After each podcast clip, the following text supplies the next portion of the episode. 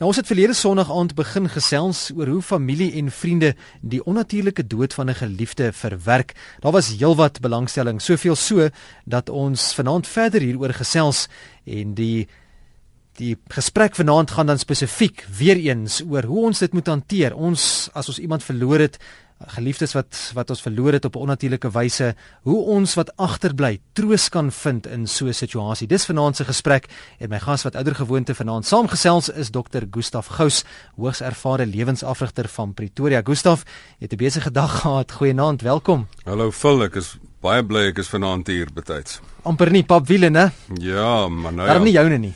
Nee, wat vanaand is ek opgepomp en reg om te gesels oor een van die moeilikste onderwerpe wat daar is. Baie moeilike onderwerp en na verlede Sondag, Gustaf, ons het soveel terugvoer gekry, ons kon nie eens by alles uitkom nie dat ons besluit het om vanaand verder hieroor te gesels. Ter inleiding net weer, hoe beïnvloed die skok van 'n skielike onnatuurlike dood van 'n geliefde jou liggaam en jou gemoed? Haai Phil, ek dink van laasweek af kon ons sien dat dit een van die diepste dinge is wat mense beleef, dit is die diepste seer wat daar is. Ek dink daar is geen groter pyn as om 'n geliefde en nog soveel te meer 'n kind te verloor aan die dood nie. En ek dink om in al die stresskale het ons laasweek ook vlugtig na verwys dat die sogenaamde Holmes-Raas stresskaal gee die dood van 'n geliefde 100 uit 100 op die stresskaal, maar hulle maak nie eers plek vir die dood van 'n kind wat na my mening um, aan aan die bopunt van die stresskaal moes gewees het nie. En ek dink daar die die invloed wat dit het, het, wat is die wat is die invloed wat dit het, het op jou liggaam? Wat is die invloed wat dit het, het op jou gees? Ek dink die kern daarvan is die trauma is reusagtig groot omdat omdat jou toekoms skielik nie meer is wat jy was nie. Jy wou graag hierdie kind grootgemaak het. Jy wou graag 'n lang pad saam met hierdie persoon gestap het. En in een oomblik of oor 'n lang tydperk is jou hele toekoms um eintlik van jou heeltemal um in verwarring gebring en dit het uiteraard fisiese invloed op jou dit het uiteraard emosionele invloed op jou dit het sosiale invloed op jou so dit is 'n reuse skok op 'n mens se stelsel Gustav, hoe troos ek iemand wat 'n geliefde aan 'n onnatuurlike dood afgestaan het? Dis seker baie moeilik. Wat sê jy vir so 'n persoon?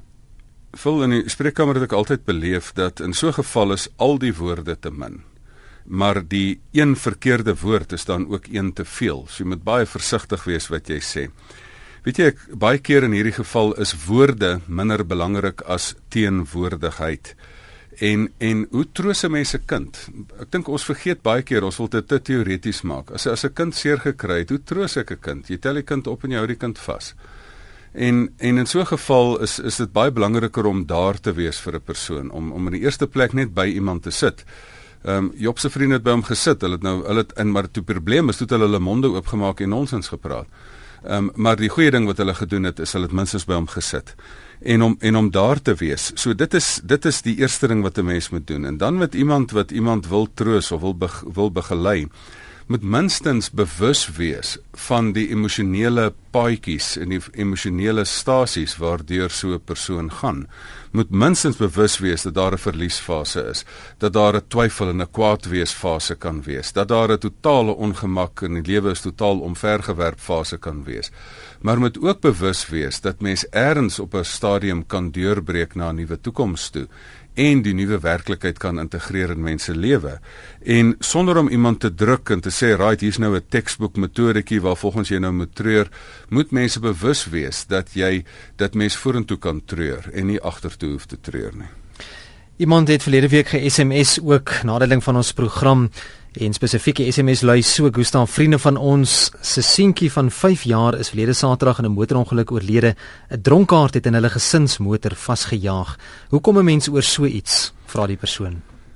Hi Phil, dit het my soveel keer laat dink aan aan aan hoeveel mense ek nie langs moes gesit het wat Ehm um, wat doen jy as jy oor 'n stopstraat ry en iemand ry in jou vas en jou klein ou seentjie se nekkie breek of as jy jou kind wegstuur op 'n skooltoer en in die vertroue van ander mense se hande laat en daar gebeur iets met daardie met daardie bussie nie of of uh, iemand wat se kind gebore word wat wat wat vir minder as 24 uur leef en so naby daai persoon wees. Ek bedoel dit het my so diep aan die aan die hart geruk. Iemand wat se kind oor 'n waterval gestap het en die wind iemand die kind oor die waterval waai. Nou nou wat doen 'n mens? Mense is sprakeloos en en mense sit nie daar en sê kom nou maar na my toe, ek het die antwoord, ek is jou vriend, ek sal jou deur help of jou beraader of jou sielkundige nie. Ek dink mense gaan sit saam met iemand en sê maar weet jy ons het nie 'n pad nie, maar kom ons gaan minstens net vir my by mekaar ooreenkom. Ons gaan nie bly sit nie. Ehm um, want ou Churchill se woorde was nog altyd reg. Hy het gesê as jy deur hel gaan, moet jy net aanhou beweeg. If you go through hell, just keep going. En ek dink die kern daarvan is is dat ons op die op die punt moet kom dat jy dan saam met iemand begin soek. Um, mens vind nie sin in so 'n situasie nie, want daar is nie sin in die onnatuurlike dood van 'n geliefde nie. Maar dan gaan sit jy en sê ons gaan deur trane heen gaan ons ergens hier uit probeer sin skep. En ons gaan minstens sê dat dat dat hierdie dood, ons gaan nie toelaat dat dit nog iemand se dood kos in die sin van die persoon wat lewe en iemand dood treur nie. Ons gaan ons nie dood treur nie. Ons gaan aangaan en hieruit ergens 'n pad probeer vind. Ek dink dit is die beginpunt. Ons gesels vanaand hier op RSG die program Fix vir die Lewe oor hoe mens iemand kan troos wat agterbly nadat jy 'n geliefde verloor het aan die dood op 'n onnatuurlike wyse. En ek sien ook een van die SMS'e wat ingekom het Gustaf sopas is van iemand wat vra is dit sodat jou dood vooraf bepaal word dat jy dat jy dood net moet aanvaar dat jou streepie getrek is al sterf jy dalk per ongeluk? Weet jy, um, in in 'n mate is die is is staande daar dat ons tye is in die in die Here se hand, maar ek dink ook mense kan voortydig sterf. Ehm um, as jy nou daai gedeelte wat sy aanhaal van Job 14 nou probeer Job 14 vers 5 probeer ehm um, probeer lees, dan sê dit as jy dit nou letterlik wil lees en ek lees nie die Bybel so nie, maar kom ons wees nou letterlik vir 'n oomblik. Daar sê jy kan nie jou tyd oorskry nie, maar jy kan jou tyd vervroeg. Ehm um, en ek dink daar is baie keer mense wat voortydig sterf. Ehm um, en en dit kan gebeur en dit kan het sy aan jou eie toe doen of het sy aan iemand anders se toe doen, het sy die roekeloosheid of ander mense se roekeloosheid wees. Ehm um, maar ehm um, dat 'n mens nie vir ewig kan leef nie. Ek dink ons moet ons minder bekommer oor die feit van is dit nou bepaal of is dit nou nie bepaal nie. Ek dink ons moet met die feit leef dat jy gaan sterf en dat jy dit nie weet wanneer dit is nie en dat jy die enigste raad wat 'n mens teen die dood het is dat jy voluit leef terwyl jy die lewe het. En dit was nog my hele lewe my eie persoonlike beleid dat 'n mens voluit leef terwyl jy die lewe het, dat jy voluit liefhet terwyl jy kan, want dan is die hartseer minder as jy die dag in jou streepie getrek word. Ek wil dinge nou so 'n bietjie vooruitloop. Um, Gustaf, ek wou later vanaand vir hierdie vraag gevra het, maar ek sien 'n luisteraar het nou spesifiek 'n SMS gestuur in die verband wat vra: "Wat sê mens vir iemand wat per ongeluk sy of haar eie kindjie doodry?" Woorde ontbreek en die vraag wat ek spesifiek later ook vir jou wou vra wat hierby aansluit. Hoe sou 'n persoon die onnatuurlike dood van iemand waarvoor hy of sy dalk self verantwoordelik was, dalk was dit 'n ongeluk, jy weet, soos wat die persoon nou gesê het jy het per ongeluk oor jou eie kind gery, hoe kan jy dit verwerk? En wat sê jy vir so 'n persoon? Haai vol as as ouers wat um, wat selfs net as jy jou kind per ongeluk seer gemaak het al so enorm sleg voel. Hoe moet jy nou nie voel oor as jy as jy jou eie kind um, op die manier um, doodgemaak het nie. En en ek dink die belangrike daar is is dat ons vir mekaar moet sê dat dit gaan hier oor enorme diep skuldgevoelens van hoekom het ek gedoen kon ek dit nie gedoen nie. So die vraag wat 'n mens vir jouself afvra is, die dieper liggende vraag is eintlik hoe hanteer ek skuld? En hoe hanteer ek ook daai selfaggressie wat 'n mens dan teen jouself het of selfverwyd? Nou skuld en dit is wat ek nie in boeke gelees het nie, maar dit is wat wat deur die jare probeer optel het, is dat daar is daar's verskillende forme van skuld. Daar is werklike skuld, um, en daarins daar bestaanskuld. Nou werklike skuld. As jy doelbewus roekeloos en nalatig is en dan gaan mense jou van strafbare manslag miskien selfs aankla en maar dan is daar ook eksistensiële skuld in die, die, in die om nou die groot woord nou net um, uit te pak gaan dit oor bestaanskuld dat jy sê maar hoe kon ek dit gesien het? Ek kon nie gesien het nie. Ek kon nie gesien het dat iemand agter die kar ingehardloop het nie. Nou um werklike skuld kan vergewe word en gestraf word. 'n um, bestaanskuld moet jy verstaan vir wat dit is En daar's baie mense wat die twee verwar. Ehm um, as 'n mens oor skuld praat, iemand het eendag gesê die ehm um, God vergewe altyd, mense vergewe soms. Ehm um, maar die regsproses ehm um, vergewe ehm um, wanneer iemand gestraf is, maar die natuur vergewe nooit en en die natuur vergewe nooit. As iemand dood is, word daardie persoon nie weer lewendig nie. Daar's mense wat jou kan vergewe en sommige wat jou nooit sal wil vergewe nie en dat dit dat mense jou sal kwaadlik neem daarvoor. Maar God vergewe altyd. En ek dink dit is die ding die beginpunt waarmee mens moet kom. Dat as dit werklike skuld is, dan kan dit vergewe word en dit kan gestraf word tot op die punt waar dit gestraf moet word en hopelik is straf die die gebalanseerde skaalbakke wat wat die regsproses altyd voorstel. Maar bestaanskuld moet mense nou vanaand baie mooi verstaan. Um mens neem jouself kwaadlik vir so iets omdat jy nie alsiende was nie, ek kon nie agter die kar gesien het nie, omdat jy nie alwetend was nie, want ek het nie geweet nie, omdat ek nie almagtig was nie en en en dit kon keer nie, omdat ek nie alomteenwoordig was en kon uitspring en iets verhoed het nie. En ek dink daardie daardie ding van bestaanskuld met 'n mens met 'n mens kan jy jouself nie vergewe nie want dit is nie werklike skuld nie. Jy moet dit verstaan vir wat dit is. Jy het nie oë agter jou kop nie. Jy kan nie alles sien nie. Jy is nie almagtig nie en jy kan nie al hierdie dinge doen nie. So daarom moet 'n mens die die skuld afdeel um, indeel in die afdelingkies waar dit kom en dat 'n mens jouself van die hoek af moet haal um, as dit net bestaanskuld is en dit verstaan vir wat dit is. Die nommer as jy graag wil saamgesels vanaand, jy's welkom 0891104553. As jy dalk jou storie wil deel of 'n vraag wil vra of 'n stelling wil maak, 0891104553. Dr. Gustaf Gous sal ook jou hoor en direk met jou kan verder gesels. Gustav, ek wil by die volgende punt uitkom en dit gaan oor die treurproses. Ek sien Marie of Marie, ek is nie seker presies hoe mens jou naam uitspreek nie. 'n SMS ook vroeër gestuur wat sê hulle moes al 3 kinders aan die dood afgee. Een as 'n baba, 11 jaar en 27 jaar. En Marie sê ek dra swaar aan pynpakkies. Baie mooi gestel, pynpakkies. Droom baie nagte van hulle. Nou, hoe goed of sleg is dit om vir jare lank aan te hou treur oor die onnatuurlike dood van 'n geliefde? Hoe lank behoort rou periode te duur? Is daar 'n tyd wat mens daaraan kan koppel? Vul, ehm um, dat 'n mens moet treur, ja, dis belangrik. Dat 'n mens vir ewig moet treur, nee. Ehm um, dat 'n mens 'n voorgeskrewe tyd het wat daar 'n teksboek is, daar is nie so 'n tyd nie. Want mense vra hoe lank moet jy treur? Dit is dieselfde om te vra hoe lank is 'n stuk tou? Dit is hoe lank jy dit maak. Ehm um, en maar mens moet op die punt kom dat jy sê maar dat jy moet treur is ongelooflik belangrik. Want as jy nie treur nie, het jy dan geen het, het jy omtrent geen selfrespek nie. As 'n mens nie treur nie, treur is 'n is 'n noodsaaklike proses dat jy afskeid neem, dat jy 'n hoofstuk in die lewe probeer um wat onherroepelik verander is, dat jy dit probeer verpak. Die treurproses is is is geweldig belangrik. Um maar moet 'n mens vir altyd treur? Nou in die ou tyd weet ons Ehm um, waar kom hierdie storie vandaan dat mense moet swart klere dra vir 'n jaar lank? Ons het laas keer het ons verwys daarna dat die eerste jaar is krities belangrik want dit is die eerste Kersfees alleen en dit is die eerste verjaarsdag wat jy sonder die persoon is en dit is die eerste keer dat jy dat jy self verjaar sonder daardie daardie persoon. Maar ehm um, maar moet 'n mens nou net sê net sê na 'n jaar is dit nou verby? Ek het eendag die die die beeld gekry van dat met die dood van 'n geliefde is dit baie keer so dat as jy by 'n boom verbyry, is die boom in jou speeltjie maak jy die hele speeltjie van jou kar vol. Maar hoe verder die ander hoe kleiner word die boom. Maar in werklikheid as die are nie gedraai het nie, sou daai boom altyd in jou speeltjie gebly het. En hy sou net kleiner geword het, maar hy sou altyd daar gewees het, ver in jou in jou agterkop.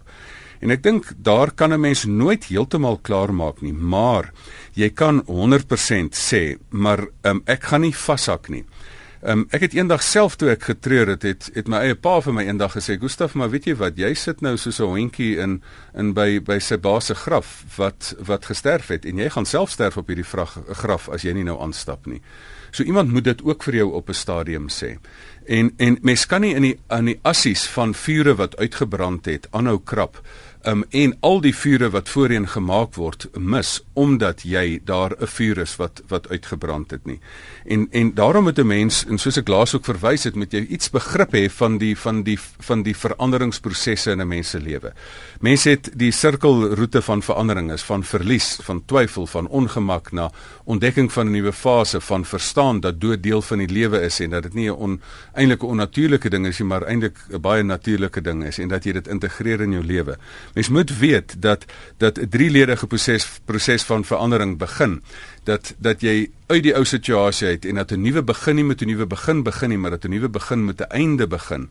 Um mens moet verstaan dat daar fases is van dat jy nie net treur nie, nie net hartseer is nie, maar dat jy aggressief is en dat jy kwaad kan wees. So, hoe lank duur dit om deur daai proses te werk? Ek sê minimum 'n jaar, maar um maar dit word kleiner en dit word minder maar enigiets van 'n jaar tot 'n leeftyd. Ons neem nou oproepe by 0891104553 onthou na die radio af te skakel sodra jy deurkom na die ateljee toe. Er is geen goeienaand. Eh uh, goeienaand, vol dit is Bram Piens van Randfontein. Ag ek wil ook net vir sê wie ek en my vrou was 52 jaar getroud en sy is dood aan bipolêre depressie. Alles kan gaan in die lewe, maar om alleen te wees, dis seker die bitterste ding veral in die aand as jy die huis toemaak en jy gaan kamer toe en jy's alleen. Nou nog, ek, dis nou 2 jaar, maar ek suffer nou nog met die alleenheid van haar. Bram, baie dankie vir jou bydrae. Mm. Dit sê ja, mense is nie geskaap om alleen te wees nie, né, Gustaf? Ja, dis moeilik, dis swaar. Vul die ou Boerneef het selfs 'n gedig daaroor geskryf gesê jy's man alleen, jy bly alleen en jy speel jou flotina op 'n Saterdag aand en jy klawer om hier en jy klawer om daar, maar niemand ken Dopa vir daai alleenigheid later. So ek dink dit is waar Bram, ons weet dit. Maar Bram, in daai alleentye kan jy miskien twee dinge doen. Ek dink die feit dat dit klink vir my of julle baie lief was vir mekaar en miskien kan jy ook net sê maar dat jy dankbaar wees oor die tyd wat julle saam gegaan het en dat jy iets daarvan mooi verpak en dat jy dit in 'n mooi fotoalbum sit. Maar dat 'n mens nie net net agtertoe leef nie, dat die Here het vir jou vir haar in jou lewe gegee. En iemand het gesê mense is in jou lewe vir 'n leeftyd, vir 'n tydperk of net vir 'n spesifieke kort tydjie.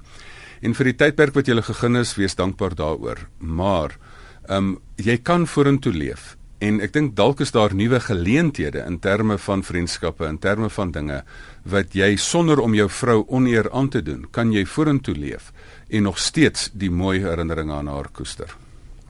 Goeienaand, dis by RSG. Goeienaand aan jou, Nato Gustav. Ek is Johan Potgieter van Pretoria. Hallo Johan. Gustav, jy kan jou miskien uitspreek. Ek het ook twee, miskien weet jy daarvan. Ek het twee uh, geliefdes verloor deur die dood. Die ding is net vorentoe 'n mens rou, jy gaan die proses deur en dan eindig dit. Maar dit kom later al weer terug en dan bekommer mens jou daaroor dat jy dit nou nie goed genoeg gedoen nie of so aan. Ek sou sê dat my eie geval betref, jy moet dan vir 'n tweede keer jouself wat toelaat, dink ek en dit Gustav moet hom uitspreek hieroor om dit weer na natuurlik te doen. Dit kan wat my betref in elk geval het dit teruggekom. Jy jy gaan weer deur 'n stukkie van die proses en die opsig eindig dit nooit nie en uh mens kan daaroor skuldig voel. My gevoel is weer as dit weer terugkom dan hanteer dit maar weer natuurlik 'n mens vergeet jy, jy kan nie so 'n mediese intervensie iets ooit vergeet nie maar uh dat dit dit ek het ek moes in Gustav se paad gehelp, hy sal nou weet. Ek moes daar hoor kom om maar weer vir myself te sê, man, dit is 'n natuurlike proses. Dit sal onnatuurlik wees indien jy nie rou nie. En uh, as dit 'n tweede of 'n derde keer terugkom, gaan weer daardeur en leef vorentoe. Dis nie so dat jy dit dan die eerste keer dalk te min of verkeerd gedoen het nie. Dit is maar wat ek wou gevra het. Baie dankie.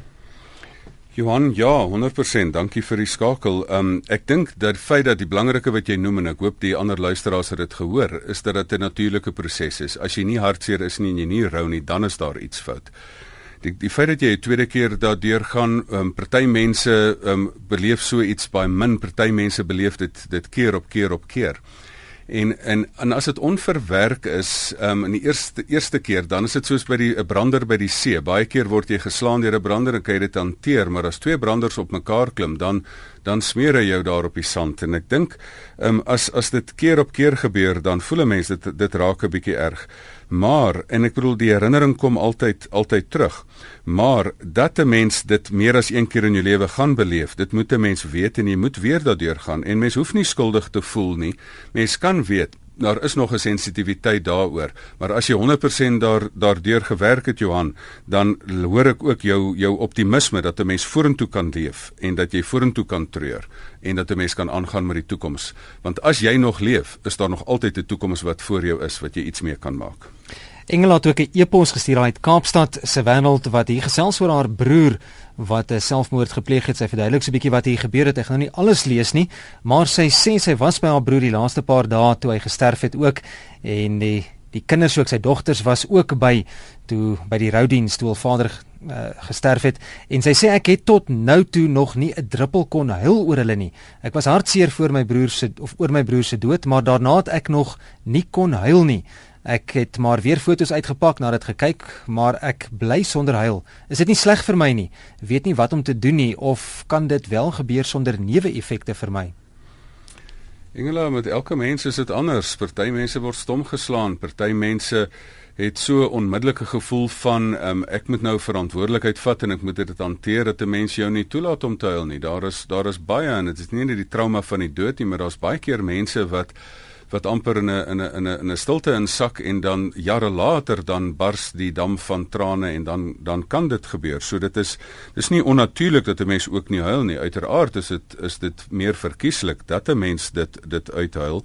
Ehm um, want die twee goed wat nie moet gebeur nie Engeland is dat ehm um, soos jy weet is dat 'n gevoel moet nooit onderdruk word en 'n gevoel moet nooit vrye teels gegee word nie. 'n Gevoel moet hanteer word. En en en baie keer is dit in jou onbewuste word dit amper onderdruk en daarom kan jy jy hoef nie te gaan huil soek nie glo my dit sal kom op sy tyd. Maar wat jy kan doen is jy kan jy kan emosioneel 'n brief uitskryf. Jy kan skryf wat jy moet skryf. Jy kan jou gevoelens probeer verwoord. Ehm um, want as 'n mens dit uitpraat, dan hoef 'n mens dit nie uit te skree nie. Hier's ook 'n SMS van iemand wat sê jou man te verloor is baie erg, maar my grootste ondersteuning kom van my kinders en my skoonma 86 jaar oud en al drie haar kinders verloor het om vir iemand net 'n drukkie te gee en te sê sterkte, dit help ook baie. So 'n bietjie inspirerende SMS ook wat ons ontvang het. Ja, ek dink as iemand sterf en en ek dink Lorika Raug het 'n liedjie geskryf, die mense wat jy liefhet kom groei op jou soos mos en as as iemand weggepluk word, is daar 'n seer te maar um, met 'n begrafnis en dit is ook die doel van 'n begrafnis. Dit is iemand weggeruk is, dan kom die familie van heinde en verre by mekaar en sê maar kom ons wees vir mekaar die kombers. Kom ons wees vir mekaar die ondersteuning. Er is geen goeienaand. Goeienaand, jy kan maar gesels. Goeienaand. Eh uh, uh, vol uh, vraag van uh, eh, Dr. Gustaf. Ja, hy luister. Ek wil hierdie hele situasie net van 'n ander uh, uh, rigting af benader. Jy, jy jy weet daar is duisende mense al gefonnis vir optrede wat 'n jaar of 2 of meer na die tyd deur 'n hof bepaal word jy het nie opgetree soos die algemene normale mens onder daardie omstandighede of redelike mens onder daardie omstandighede so opgetree het nie. Nou op die ingewing van die sekond tree mense op. Nou daardie persoon word dan skuldig bevind. Hy sit met 'n straf en hoe wonder hy nou vir hoeveel jaar wat moes ek dan nou anders gedoen het en dit is maklik om terug te kyk na 'n jaar of twee wat dit gelede gebeur het en uh ek wou nou gesê dat dit ek het nie opgetree soos die redelike mense opgetree het nie. Hoe verwerk so 'n persoon iets as dit hom bybly en duisende male by hom omkom dat hy nou nie daarin kon slaag om dan soos die normale denkende mens op te tree. Baie dankie. Dankie. Ehm um, ek dink nie hy het sy naam genoem nie, maar ek dink die belangrike is is dat Ehm um, dit is 'n geweldige stres wat op iemand geplaas word om jare na of 'n jaar na 'n geleentheid nou nog die hele ding deur te werk. Maar um, as daar 'n spesifieke ons um, onsinnige optrede was wat die hof dan voel gestraf moet word, dan moet die persoon vir jouself afvra, maar ehm um, uh, wat het hier spesifiek gebeur?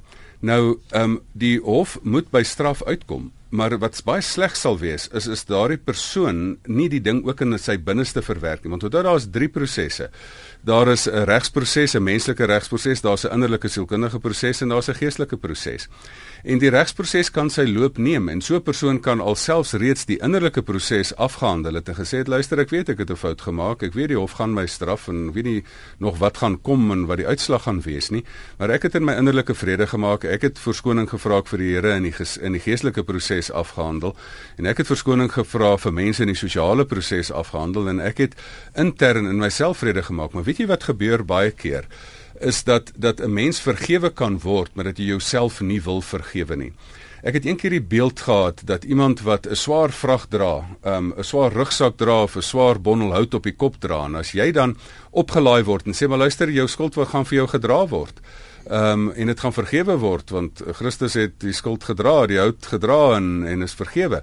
Dan sit die persoon op die bakkie maar haal nie die rugsak af nie of haal nie die hout van die kop af nie. So daar's baie mense wat wat hulle self aanhou straf. Ehm um, so ek dink mense moet net die die prosesse onderskei, die regsproses, die innerlike sielkundige proses, die sosiale proses van verskoning vra en die geestelike proses waar mens voor die Here kom en sê Here, ek weet ek het 'n fout gemaak en um, ek gaan my nie nou kapittel nie, um, ek is vergewe en baie dankie daarvoor. 'n Vraag wat verlede week ook baie geopper is, Gustaf, is hoekom het God so iets toegelaat? Hier's ook 'n SMS van Amanda van Amanzim Twitiese wêreld wat sê my seun het dood verongeluk op 22 jarige ouderdom 6 jaar gelede. Ek kan dit nou nog nie verwerk nie. Die dokters het my op antidepressant gesit wat Hy sê ek vir die res van my lewe sal moet drink want die trauma was te groot vir my brein om dit te verwerk. Niks wat enigiemand sê of doen kan jou troos nie. Jy het verlede week gesê dat 'n onnatuurlike dood nie God se wil is nie. Nou wil ek weet, hoekom het God dit dan toegelaat? So vra Amanda. Amanda, ek staan by wat ek gesê het dat nie een van die slegte goed wat op aarde gebeur um, is God se wil nie, maar Ehm um, wat ons ook laas keer gesê het is dat die Here vir ons 'n speelveld gegee het. Dat dat dit wat hier gebeur is in hierdie speelveld van tussen kom ons sê dit nou maar tussen die Here se koms en tussen sy wederkoms. Ehm um, is die dorings en die distels groei dit saam met die goeie goed. Is daar mense wat onverantwoordelik is en mense wat verantwoordelik is. In hierdie speelveld is daar mense wat vir mekaar die dinge baie moeilik maak en selfs mekaar doodmaak in hierdie proses. En en en daarom is dit nie God wat dit toegelaat het nie, daarom is dit mense wat dit aan mekaar doen. En in hierdie speelveld waar mense die vryheid het en selfs die onherroepelike vryheid om hulle self skade aan te doen, om ander mense skade aan te doen en hulle vryheid misbruik, kom ons baie keer in in die spervuur. Ek dink dit is nie 'n dit is nie 'n diep troos nie, maar dit is 'n feit wat 'n mens van moet kennis neem dat ons in 'n werklikheid leef waar hierdie dinge gebeur en dat ons dit gaan nie vir ons help om die vraag te vra wat wat het nou hier gebeur en waar waarom het God dit toegelaat nie. Ek staan nogal by wat een van 'n teoloog van Stellenbosch op 'n stadium gesê het, Daniel Lou in sy boekie Waarom daarom dat as jy sê waarom het dit gebeur en waarom het God dit toegelaat, gaan 'n mens nooit verder kom nie. Maar as jy sê maar luister, ek sit met hierdie feit voor oë en ek moet nou met hierdie feit iets doen. Ehm um, die, die in die spesifieke boek verwys hy na twee ridders wat oor 'n veld ry wat deur dwaalpyle geskiet is. En die persoon vra waarom is my vriend hier langs my dood geskiet? En waarom is ek self verwond? En toe besef hy maar hoe langer ek hierdie vrae vra hoe langer gaan ek myself besig gaan ek myself doodbloei as ek nie nou die regte vraag begin vra nie en en sê maar maar nie waarom nie maar wat nou? Wat moet ek nou doen om voort te leef? Wat moet ek nou doen om die geskenk van die lewe wat ek nog steeds het ten volle te benut? Wat moet ek nou doen om om my geliefde wat dood is te eer en te sê maar hoe kan ek sy of haar nagedagtenis eer dan begin ons die regte vrae vra want die verkeerde vraag kom ons wees eerlik gaan jou nêrens bring nie maar die regte vraag is wat nou kan ons dalk die eerste tree in die regte rigting gee. Jy sê geskakel by RSG op 100 tot 104 FM die program se naam Fix vir die lewe. Ek is verloots en saam met my in die ateljee is dokter Gustaf Gous. Ons gesels vanaand oor hoe familie en vriende die onnatuurlike dood van 'n geliefde kan verwerk en dan vanaand meer spesifiek hoe dat hulle wat agterbly troos kan vind. Nou Gustaf baie mense onttrek hulle aan alles en almal na die onnatuurlike dood van 'n dierbaar en hulle weier om enigsins daaroor te praat en herinneringe te kan deel met ander mense. Hoe ver help dit om daaroor te praat. Vol een van die belangrikste dinge wat jy moet doen is nie net om te praat nie, maar om op enige manier dit wat jy beleef het te verwoord. Want kom ons kom ons praat 'n bietjie fisiologie. Die brein bestaan uit 'n limbiese brein en dit is setel van emosie en die in die neokorteks is die denke. En die diep poele van pyn wat een van die ander SMS luisteraars gesê het, is dat daai pakkies van pyn sit in die diep binneste limbiese brein wat eintlik taalvry is. En en die een manier hoe daai wille emosies wat daar in jou binneste rondhardloop in jou innerlike vrede en jou innerlike geluk um, bederf, hoe mense hulle moet vang, is maar op dieselfde manier as wat hoe Adam en Eva die paradys bestuur het. Hulle moes daai wille diere name gee. En die een manier om my emosie te um, raak te vat en te sê maar ek ek gaan nie toelaat dat my emosies my het en met my weghardloop nie is maar ek moet my emosies kry sodat ek hulle beheer is om daarvoor 'n woord te gee. Hoekom is dit so dat in groot oomblikke van pyn mense begin gedigte skryf want dit is 'n dit is 'n natuurlike manier hoe jy amper gryp om hierdie emosie vas te vang. Hoekom het Dawid in die Psalms het hy soveel gedigte geskryf en sy pyn pyn probeer verwoord? Hoekom het Toshius toe sy dogter deur die weerlig raak geslaan is gesê het die bekende gedig geskryf oor die pyngedagte my kind is dood? En in die wagge bietjie bos, hoe meer ek in hierdie ding draai, hoe meer raak ek vas in hierdie ding. Maar dit was minstens 'n poging om te verwoord. Weet jy, gebed is is jy moet nie net dit dit uitpraat nie. Gebed is ook 'n manier van verwoord. Gebed is ook 'n manier ehm um, dat jy die ding uitpraat. Ferdinand Duis het in sy boek ehm um, oor gebed wat hy wat hy selfs die Andrew Murray prys voor gekry het, het hy gesê maar gebed kan ook vertwyfeling wees. Gebed kan ook wees om te skree op God van hoekom en wat het gebeur en en dies meer en daarom moet mens dit uitpraat. Ehm um, so praat is maar een manier, maar die groter beginsel is jy moet dit verwoord. Want weet jy, 'n gedig is 'n kompak verpakte emosie. En wanneer jy daai ding uitgepraat het of jy dit uitgeskryf het of uitgeskree het, dan het jy nie meer dan het jou emosies jou nie meer nie, maar jy het jou emosies. As mense by my in die spreekkamer instap, dan het hulle nie hulle emosies nie. Hulle emosies het hulle. Maar na ure se praat, dan het hulle skielik hulle emosies in land. Dan is die situasie nog nie anders nie, maar hulle het hierdie wille honde op tou en kan dit nou die energie daarvan gebruik om dit in 'n rigting in te stuur. Fiks vir die lewe goeienaand. Goeienaand. As ek nou ingeskakel op die program wat uh, gaan oor die onnatuurlike dood van Dis reg. Dis reg, is op die lig kan gesels. Uh, ek wil graag weet of daar 'n manier is wat 'n mens daaroor kan kom as jou kind deur iemand anders doodgeskiet is want ek het sy die uitgangswond op sy regterslaap met my eie oë in die lijkhuis gesien maar die polisie wou nie met my saamwerk nie. Hulle het sommer net aanvaarde selfmoord want dit is wat sy vrou gesê het en ek ek sal nooit hier oorkom nie omdat ek weet my kind was nie 'n selfmoordenaar nie. Hy was regshandig en hy kan nie uitgangswond aan die regterkant hê nie. Nou wil ek weet want dit is nou ook al meer as 2 jaar. En ek kry nie antwoorde nie ek kry nie troos nie ek weet nie meer waarheen nie ek gaan ten gronde want dit is 'n leuen wat nou deur die polisie aanvaar is hulle het nooit gekom om by my 'n verklaring te kom afneem soos hulle beloof het nie niks hier loop reg nie is daar vir my hoop Gaan u vir ons by die radio verder kan luister? Dr. Gustaf gaan nou daarop reageer.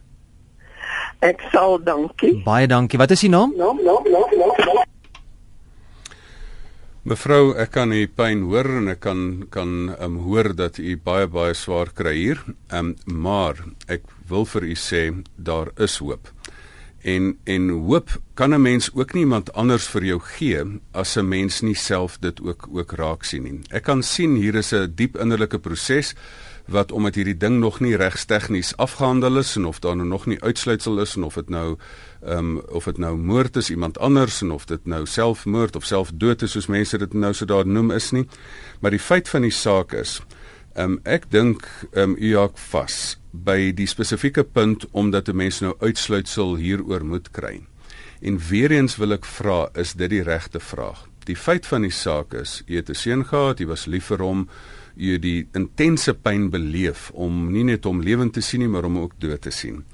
En dan moet 'n mens vir jouself afvra. Ehm um, die Here het vir u hierdie kind gegee, maar die Here het vir u ook die feit gegee dat u daardie dat u hom kon sien. En u leef nog. En as 'n mens nou hier gaan sit en sê maar ons moet eers hierdie ding besleg wat vermoedelik nie besleg gaan word op 'n reg tegniese manier nie, dan kan dit gebeur dat nie net u seun nie, maar u self ook in ten gronde kan gaan. Ek wil ek wil 'n storieetjie vertel. Miskien in so 'n geval is al die woorde nie genoeg nie, maar dalk is 'n storie die regte ding. Ehm um, jare gelede ehm um, het het ek die verhaal gehoor van studente wat gery het en en ehm um, en eers niks gesien het nie en skielik net teen 'n sandduin twee grafstene gesien het. En daar's mos maar altyd 'n ou student wat probeer snaaks wees en hy skree toe daar op die luidspreker van die bus: "Hey ouens, hy meisies, kyk daar!" en hy wys na die twee grafte en hy sê: "Daar's die teken van lewe." Eerste teken van lewe in myle. En dit was in 'n tyd toe ek self by twee grafte vir my vriende gestaan het en toe my pa vir my die storie vertel, toe sê ek pa's pa's sielkundige, pa nou pa se sensitiwiteit verloor. Wat gaan nou hier aan? Toe sê hy vir my toe daag hy my uit en hy sê vir my Gustaf, die feit dat jy jou vriende se dood gesien het, die feit dat jy hulle grafstene gesien het, die feit dat jy by hulle graf was, ehm um, jy het die grafte gesien. Waarvan is dit 'n teken? En ek sê toe nou, dis teken van die van van van die dood, maar Nou hy sê toe vir my, maar wat het daai persoon bedoel? Daar's 'n teken van lewe toe hy die graf sien. Wie se lewe daag hy my uit? En daar besef ek, dit is die grafsteen is 'n teken van die dood, maar die feit dat ek dit kan sien is 'n teken van lewe. Ek wil hê jy moet vanaand 'n snaakse kop skuif maak. En jy moet sê maar ek het nie ek sien nie die dood raak as ek aan daai beeld dink in die lijkhuis nie. Maar die feit dat my oë dit kan sien is 'n teken waarvan mevrou en dit wil ek jou vanaand uitdaag. Is 'n teken dat jy nog lewe. En ons het laas gesê dat die aflosstokkie wat laat val is, mens wil die aflosstokkie vir jou kinders aangee, maar as jou kind die aflosstokkie laat val het, mevrou gee nie om of dit natuurlike dood en of dit 'n 'n moord was en of dit selfdood was nie. Jy lewe nog en jy kan 'n verskil maak en jy kan nog vir die mense rondom jou iets beteken en ek wil hê jy moet daardie moontlikheid vanaand raak sien en saam met iemand gaan sit en daardie moontlikheid gaan ondersoek. Die tyd weer eens besig om ons vinnig in te haal. Onthou ons kan hierdie gesprek ook op ons Facebook bladsy voortsit. Daar gaan die tyd ons nie inhaal nie. So gaan like geluk gerus soos hulle sê, né? Gaan like ons Facebook bladsy Fix vir die Lewe. Dan kan ons gerus ook daar verder gesels as die tyd ons vanaand in hierdie program ingehaal het. Maar Gustaf, ons praat nou van ondersteuning en ek wil juist bietjie fokus op familielede hoe hulle mekaar kan ondersteun by die onnatuurlike dood van 'n geliefde. Ek sien 'n baie interessante SMS van iemand wat sê dis nou anoniem, het ondervind dat families dikwels uitmekaar spat pad na so dood van 'n geliefde. Is dit wel die geval? Hoe kan families mekaar ondersteun? Vol, dit is absoluut waar. Ehm um, die eerste manier hoe families mekaar ondersteun is natuurlik op die gewone maniere van om daar te wees vir mekaar om die begrafnis daar te wees om hulp aan te bied en soos ons laas gesê het om nie goedkoop antwoorde vir mekaar te gee en nie daai blommetjies gepluk vir hemelse tuin antwoorde te gee nie.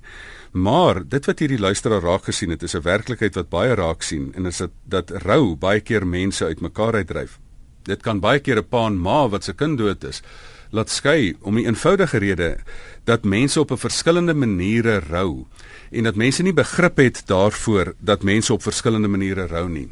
As pa of ma een dalk bietjie vinniger daaroor kom en sê die ander een maar het jy dan nie ons kind liefgehad nie en hoe kan jy dan so gou daar kom en hoe kan jy aangaan terwyl ek nog so so aangaan met my rouproses. So die eerste ding wat familielede kan doen om mekaar te ondersteun um, is om te erken dat mense verskillend rou en dat 'n mens 'n verskillende tyd het, tydperk het van rou vir verskillende mense en dat 'n mens dit moet verstaan en mekaar moet toelaat om op verskillende tye te rou. Dan sal daar nie verdere verdere pyn kom deurdat families uitmekaar uitgedryf of dat um, of dat huwelike uitmekaar uitdryf omdat hulle mekaar kwaadlik neem omdat hulle op verskillende maniere rou nie. So dit is 'n baie harde en 'n en 'n en 'n praktiese werklikheid. Gustav, hoe kan mense wat geliefdes op onnatuurlike wyse aan die dood afgestaan het, weer die stukke van hulle lewe optel en voortgaan? Ek meen dis dis nie maklik as jy iemand verloor het nie. Dit is soms moeilik om jou om jou normale lewe weer te kan weer die stukke te kan optel bymekaar maak en met jou lewe te kan aangaan. Hoe doen 'n mens dit? Vol die eerste ding is ehm um, daar's twee prosesse. Mens moet mens moet afhandel en mens moet voorberei vir die toekoms. Dit is waar die tweedelige uh, model van verandering is. Is as jy uit 'n situasie uitgekom het, moet jy moet jy besef dit was 'n hoofstuk of dit nou 'n mooi of nie 'n mooi hoofstuk was nie, maar jy moet 'n punt sit agter daardie hoofstuk. En en die afhandeling is is dat jy dat jy die die fotoalbum moet maak, dat jy die er, mooi herinneringe moet moet opknoop en saamvat in 'n bondeltjie in die toekoms in. Dat jy die negatiewe goeters wat daar nog was in die verlede moet verwerk en dat jy moet al is die persoon dood met briewe skryf om al die onverwerkte emosies um, uit jou stelsel uit te kry. So natuurlik moet jy klaarmaak want jy kan nie die toekoms omhels as jy nog as as jy vashou aan die verlede nie. Ehm um, maar dan um, is daar 'n ou gesegde van as jou toekoms weggeneem is, want dit is wat gebeur as as die geliefde as 'n geliefde sterf. Niemand gaan vir jou toekoms gee nie. Die beste manier om 'n toekoms te skep of om 'n toekoms te waarborg is om 'n toekoms te skep. En daarom moet jy al is dit deur trane heen, moet jy deur trane sal jy saai en in vreugde sal jy maai. Moet jy aangaan en jy gaan sê maar ek weet nie hoe nie maar ek gaan elke dag 'n tree vorentoe gee en ek gaan die nuwe werklikheid gaan ek integreer in my lewe en ek gaan en ek gaan vorentoe treur en ek gaan en ek gaan uh, nuwe mense ontmoet en ek gaan met nuwe mense sit en ek gaan dankbaar wees vir die verlede maar ek gaan hoop hê vir die toekoms en ek gaan aanhou vorentoe leef. Ek gaan weer lief hê ek gaan weer vorentoe gaan um, want ek lewe nog en die feit dat iemand anders gesterf het is nie te sê dat ek nou ook hoef te sterf en op iemand anders se graf moet dood aangetref word nie. En watter rol kan terapie in watter vorm nou ook al speel in die heelwording van iemand wat 'n geliefde aan 'n onnatuurlike oorsake aan die dood moes afstaan? Haai, vol. As daar een ding is wat jy nie alleen in die lewe moet probeer doen nie, is dit om die dood van 'n geliefde te verwerk. As daar nou een keer in jou lewe is wat jy nou moet gaan en gaan sê maar ek wil hulp inroep, of dit nou groepsterapie of pastorale berading is of dit nou sielkundige terapie is of met jou dominee of pastoor gaan gesels. Ek dink die belangrike daar is dat hierdie ding is so groot. Mense is so naby in die situasie dat iemand langs jou moet sit en sê maar luister hier loop jy in die doring doring takke vas en as jy 'n paar tree verder loop en hier het jy iemand nodig om jou gedagtes te fokus om jou om jou te herinner aan Jeremia 29 vers 11 en dat daar vir jou toekoms is en nog steeds 'n verwagting is ten spyte van die verlede. So dit is die dit is die een keer in jou lewe wat jy regtig jou hand moet uitsteek en vir hulp gaan vra. So kom ons aan die einde van vanaand se program Fix vir die lewe net 'n laaste woord miskien om vanaand se gesprek en ook sommer verlede week se gesprek saam te vat oor hoe ons kan dit verwerk die onnatuurlike dood van 'n geliefde. Vul die eerste ding is as daar almal wat vanaand wat vanaand gebel het en op 'n vashakpunt is, is dit nie dalk omdat jy nog nie met iemand gaan sit het en met iemand dit gaan probeer deurgesels nie. Daar deur dit baie mense op aarde deur hierdie proses laat gaan, self sulke dinge laat beleef en wat hulle nie met goedkoop antwoorde kom nie, maar uit ervaring uit vir jou daardeur kan help. Gaan soek sulke mense op en stap stap saam met hulle die pad. Die tweede ding is Um, ons moet besef dat daar kan 'n onnatuurlike dood wees dat iemand iemand op 'n onverwagse manier op watter manier ook al van jou weggeneem kan word van motorongelukke tot nalatigheid tot misdaad. Maar dat dood nie onnatuurlik is nie. Dood is 'n natuurlike deel van die proses van die van die lewe. En ons moet terwyl ons lewe lief hê terwyl ons kan want natuurlik of onnatuurlik gaan ons almal sterf en jy moet die geleentheid wat jy het om te lewe moet jy voluit benut want as jy dan die dag sterf dan is dit makliker dat mense op jou begrafnis mooi goed kan sê en dan is dit ook kan jy ook met vrede iemand laat gaan wat voluit geleef het so kom ons hê lief terwyl ons lewe kom ons leef voluit terwyl ons lewe want dood is 'n natuurlike deel van die lewe Baie dankie aan almal wat vanaand deelgeneem het aan ons program Fix vir die Lewe, al die SMS'e, e-posse en ook oproepe wat ons ontvang. Dankie ook aan my gas Dr. Gustaf Gous vir vanaand se saamgesels. Gustaf, waar kan mense jou kontak? Jy is welkom om vir my e-pos te stuur by gustaf@gustafgous.co.za gustaf@gustafgous.co.za of hulle kan dan op Fix vir die Lewe net 'n boodskap laat en as daar 'n kontak is, dan sal 'n mens op 'n manier probeer kontak maak. Ja, dis lekker van die sosiale media. Die gesprek sluit nie noodwendig nou saam met die program nie. Ons kan verder gesels ook op Facebook Fix vir die Lewe. Dis die bladsy se naam gaan like hom. Ons sal ook daar die skakel plaas wanneer hierdie program beskikbaar is op potgooi. rsg.co.za. So môre deur die loop van die dag sal ons webmeester ook vanaand se gesprek daar gaan oplaai. Gaan luister gerus daarna of gaan laai dit af as jy wil hê iemand moet na vanaand se gesprek gaan luister. Onthou se verlede week ook oor die onderwerp gesels. So gaan soek gerus ook vir die potgooi van verlede week. Die twee programme kan jy gerus saam gaan aflaai en weer luister. Jy kan met my kontak maak deur middel van 'n e-pos vul by rsg.co.za. Tot volgende Sondag aand, dan gesels ons weer in die program Fix vir die lewe.